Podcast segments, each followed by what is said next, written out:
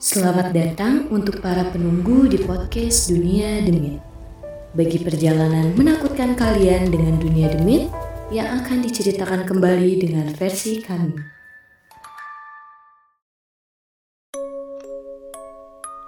Assalamualaikum warahmatullahi wabarakatuh.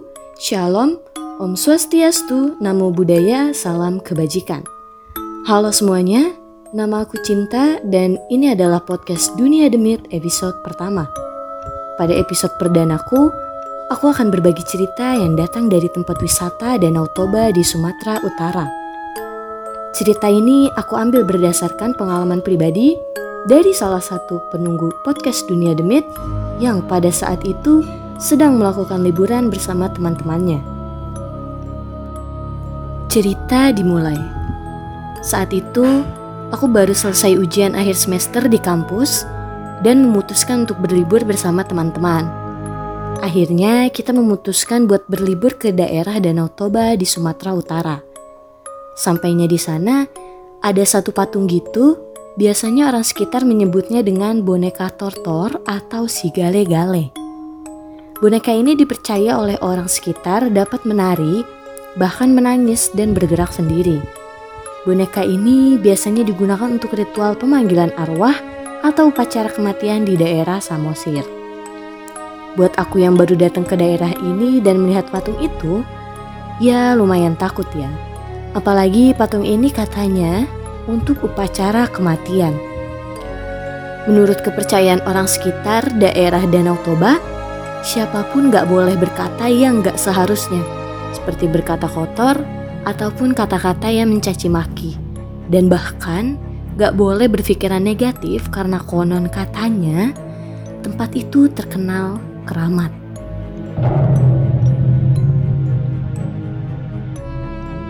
Sesampainya di sana, aku bersama teman-teman lagi jalan-jalan di sekitar situ untuk sekedar melihat-lihat pemandangan. Kadang, emang kalau lagi pergi rame-rame suka lupa diri dan lupa situasi lupa dengan aturan yang ada, dan segala macamnya. Bahkan lupa juga buat saling mengingatkan karena saking asiknya. Nah, salah satu di antara kita ada yang bercandanya keterlaluan atau kelewat batas.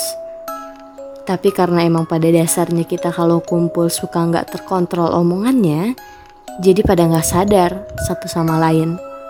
Tapi emang sih, Aku akuin salah satu temanku ini omongannya udah gak terkontrol banget. Nah saat itu aku dan teman-teman lagi berkeliling. Ketika dapat pemandangan yang bagus, akhirnya kami memutuskan untuk berfoto di daerah tersebut. Yang kebetulan ada yang menawarkan jasa foto yang langsung cetak. Kejadian aneh mulai di sini. Ketika hasil foto udah jadi, aku dan teman-teman otomatis melihat foto tersebut secara bergantian. Mungkin saat itu baru aku yang menyadari kalau ada salah satu di antara temanku yang hasil fotonya ini wajahnya jadi blur atau buram.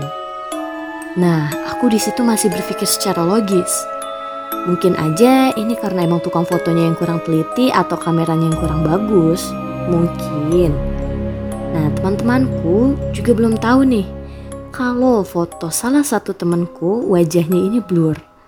Aku nggak mau ambil pusing dan mau menikmati perjalanan. Setelah kejadian itu, mulai ada kejadian-kejadian yang cukup aneh dan cuma dialami sama salah satu temanku yang fotonya blur itu. Dalam kegiatan-kegiatan kita di sana, temanku itu sering banget mengalami hal yang bisa dikatakan cukup sial. Mulai dari mendengar tangisan seseorang, sering tersesat di dalam villa yang ukurannya terbilang gak terlalu besar, dan hal lainnya. Semua teman-temanku menganggap hal tersebut dengan logis dan selalu positif. Karena kami datang ke tempat ini untuk bersenang-senang, bukan untuk membuat diri sendiri takut dan malah nggak menikmati liburan. Semuanya kembali bermain dan melakukan aktivitas yang sedang mereka lakukan tadi. Tapi aku enggak. Aku justru semakin berpikir, mulai dari foto salah satu temanku yang blur dan sampai sekarang cuma dia yang merasakan hal-hal aneh itu. Kalau dipikir dengan logika, emang gak masuk akal sih. Kalau foto itu cuma wajah dia yang ngeblur. Tapi aku masih gak mau mengatakan hal ini ke siapa pun. Aku gak mau ngerusak liburan kali ini. Cukup aku aja yang takut. Jangan sampai teman-temanku yang lain ikut ketakutan. Aku bergabung lagi sama teman-teman lainnya. Saat itu Udah sore dan kami memutuskan untuk memanfaatkan kolam renang yang ada di villa. Aku dan teman-teman berenang lumayan lama. Kedalaman kolam itu nggak begitu dalam, cuma ada kolam dengan tinggi setengah meter dan ada juga yang 1,2 meter. Aku dan teman-teman lebih sering renang di dalam kolam renang yang kedalamannya 1,2 meter. Semua teman-teman bisa berenang dan menikmatinya. Tapi ada salah satu temanku tiba-tiba tenggelam. Dan temanku yang tenggelam ini yaitu orang yang pada saat foto wajahnya buram.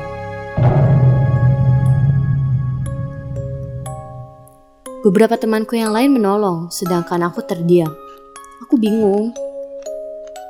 Aku bingung, kenapa ini terus-terusan kejadian sama orang yang sama dan hanya satu orang ini aja. Untungnya Temanku ini cepat ditolong sebelum tenggelam terlalu lama dan kehabisan nafas.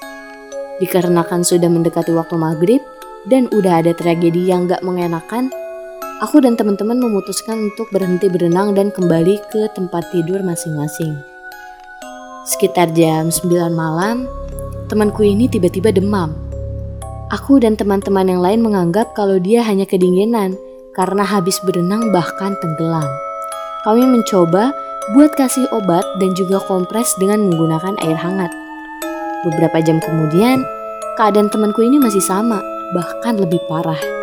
Semuanya udah dilakuin, mulai dari kasih obat, pasang selimut, kompres pakai air hangat, dan lain-lain.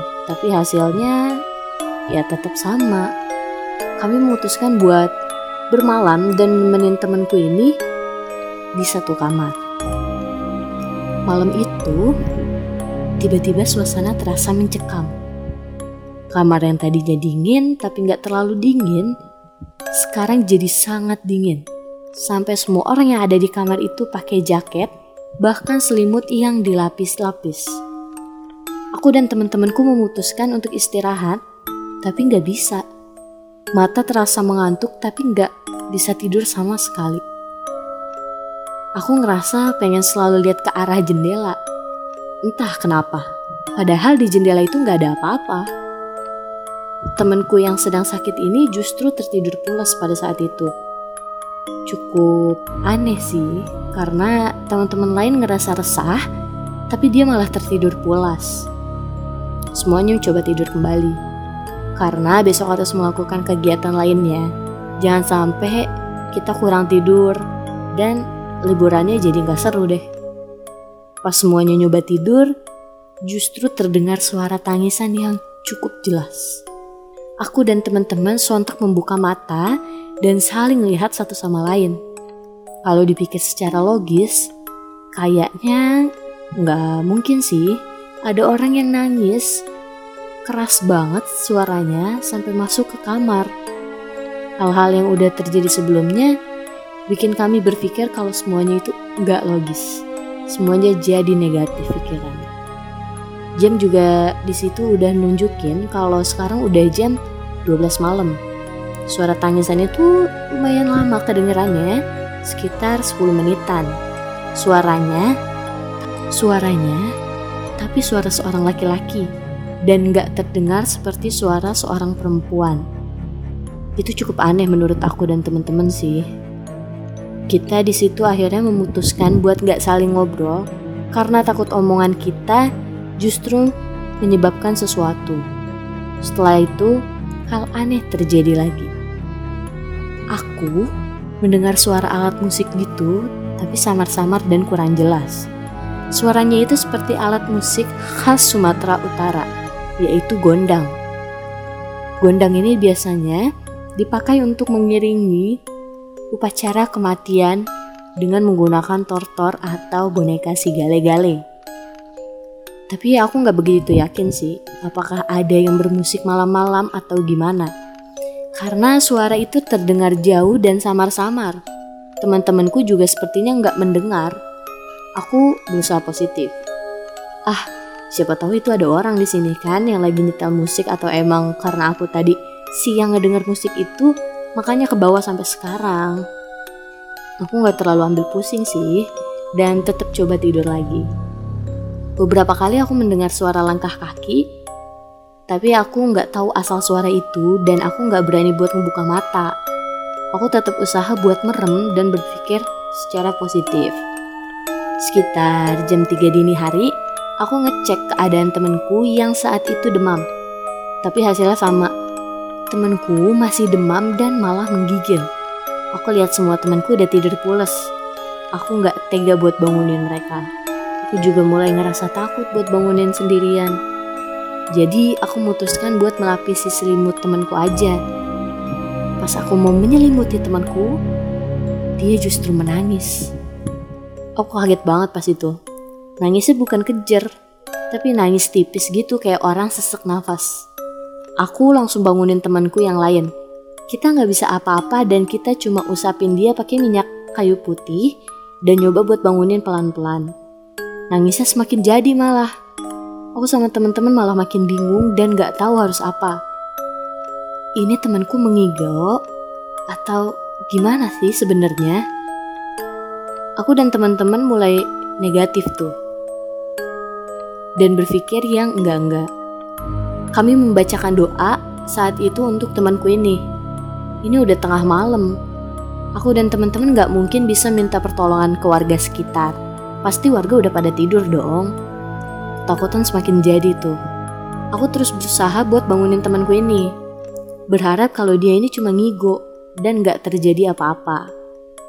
Berapa menit kemudian, aku ngedengar suara gondang lagi dan suaranya jauh banget dan terdengar itu secara samar-samar. Aku masih gak yakin kalau aku ngedengar suara ini. Tapi kenapa dengar lagi? Dan teman-teman aku yang lainnya nggak dengar apa-apa. Beberapa menit kemudian akhirnya temanku terbangun. Tapi justru nanya, aku kenapa? Dan teman-teman bocah doa buat aku tuh kenapa? Kata dia kayak gitu.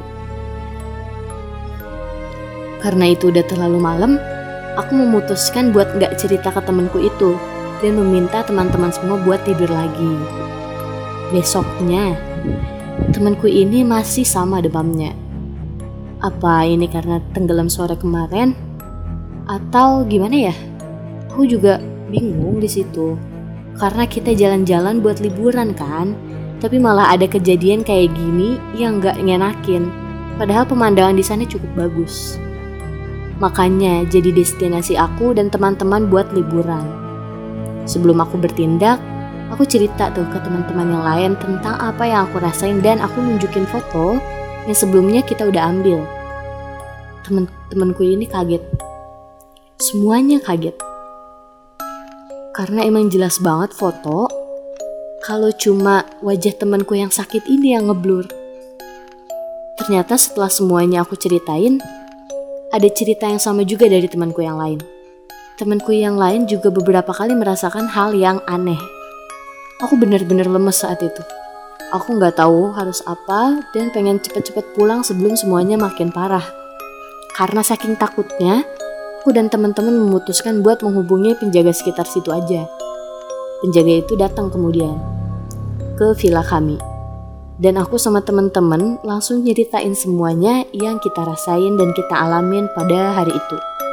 Penjaga itu ngerasa udah nggak heran kalau ada pengunjung yang ngerasain hal-hal aneh karena emang ada beberapa pengunjung yang ngerasain hal aneh itu juga. Temanku yang demam itu langsung diobatin sama penjaga situ dan penjaga itu menceritakan kesalahan temanku yang sakit ini. Emang, ini bener-bener kesalahan temanku. Awalnya penjaga ini udah ngebilangin berkali-kali buat jangan berkata yang gak seharusnya dikatakan di sini dan usahakan buang jauh-jauh pikiran negatif. Tapi pas baru datang ke tempat ini dan bahkan di depan boneka Tortor, Temanku ini udah mulai nggak menjaga ucapannya dan justru membuat lelucon tentang boneka ini. Aku nggak tahu apakah sosok yang ada di boneka ini yang menggangguku dan teman-teman atau ada sosok lain yang memang terganggu dengan perkataan temanku ini. Penjaga ini mengobati temanku. Katanya untuk membuang sial yang menempel di tubuh temanku dan membuang sosok yang mengganggunya. Penjaga sempat berpesan kepada kami. Katanya, ini kan bukan tempat kalian. Kalian berkunjung ke sini untuk menikmati keindahan tempat ini. Kalian datang dengan sopan, Seharusnya pas di tempat ini kalian juga tetap sopan dan menghormati tuan rumah yang ada di sini. Tuan rumah di sini bukan cuma kami para warga, tapi juga ada beberapa sosok yang memang menetap di sini. Jadi, kalian ketika diimbau untuk gak berkata kasar dan berpikiran kotor, kalian harus mengikuti aturan main tuan rumah. Karena ini bukan daerah kalian. Begitu kata penjaganya. Aku juga ngerasa gak enak dengan penjaga di situ karena emang ini benar-benar kesalahan pribadi kami. Awalnya temanku ini emang gak percaya sama hal-hal mistis, jadi mungkin dia berani untuk berkata hal yang gak seharusnya. Tapi menurutku, tetap kalau kita ada di tempat orang, kita harus mengikuti peraturan di situ karena kita nggak tahu kan yang sebenarnya terjadi di situ seperti apa. Dari kejadian itu aku belajar, nggak semua yang terjadi di kota kita sama dengan yang terjadi di tempat lain. Setiap kita berkunjung ke tempat lain yang tentunya bukan tempat kita, kita harus menghormati dan menghargai segala peraturan yang ada di tempat itu, bukan? Karena aturan itu pasti dibuat berdasarkan kepercayaan masyarakat yang ada di daerah tersebut. Kita berkunjung ke suatu tempat bukan untuk mengganggu, tapi untuk mengenal tempat itu. Maka dari itu, kita harus selalu menghormati kebudayaan yang ada.